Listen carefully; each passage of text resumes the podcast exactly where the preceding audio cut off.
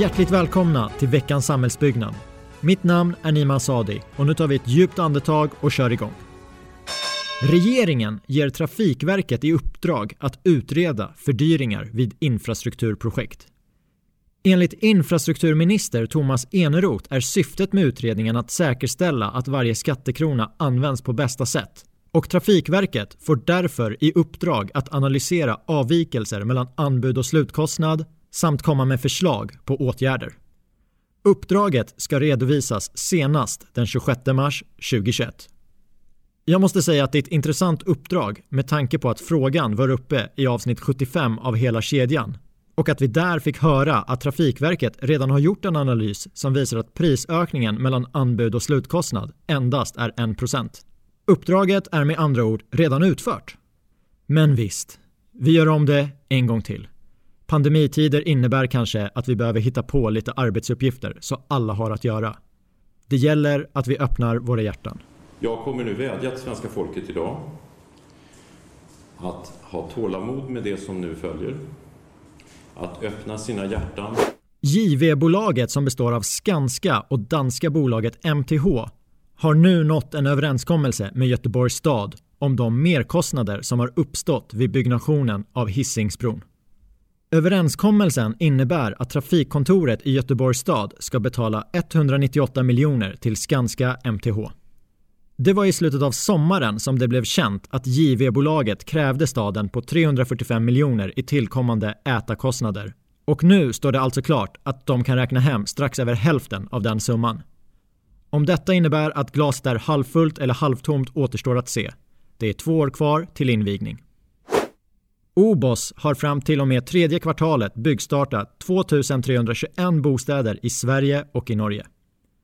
Det är en ökning med nästan 30% om vi jämför med fjolåret och innebär att OBOS är den bostadsutvecklare som byggstartat flest bostäder i Sverige och i Norge under 2020.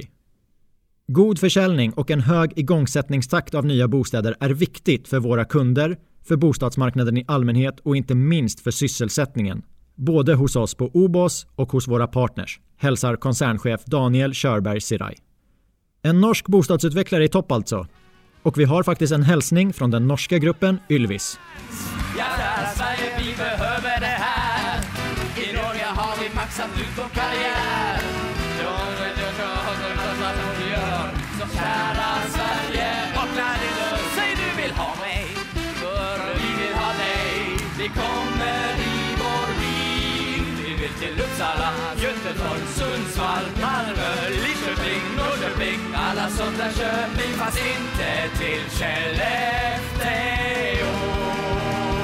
Det verkar vara skit. Oscar Properties projekt Norra Tornen vinner det prestigefyllda priset International High Rise Award för världens mest innovativa höghus. Men det stannar inte där för Oscar Properties. Dagen efter vinsten gick det ut ett pressmeddelande om att OP fått igenom betalningsuppskov och sänkt ränta på en av sina obligationer. Liket lever ett tag till med andra ord. Och en sak är säker.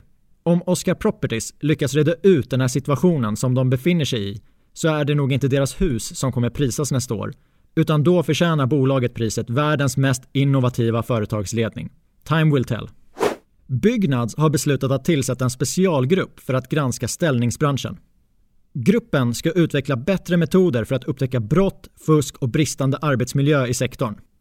Ett tips från mig är att gruppen tar en promenad om dagen i Stockholms innerstad. Jag kan lova ett hundraprocentigt utfall på dagsbasis i att upptäcka bristande arbetsmiljö bland de ställningar som står på innerstadens gator.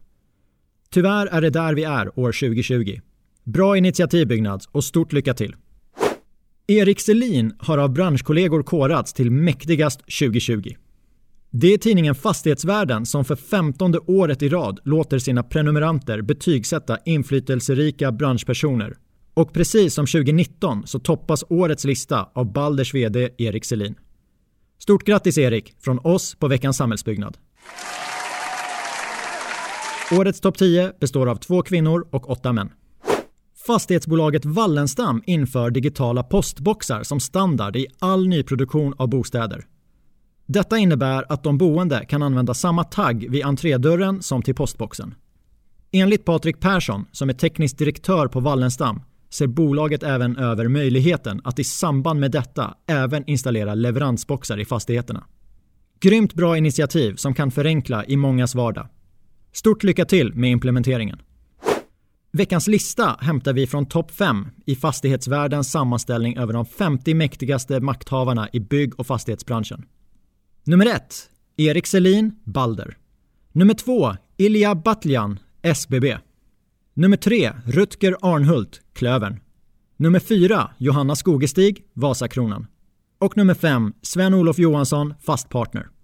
Det var allt från svepet den här veckan. På tisdag släpps ett nytt avsnitt av Hela kedjan och tro mig, det vill ni verkligen inte missa. Vi hörs. Ciao!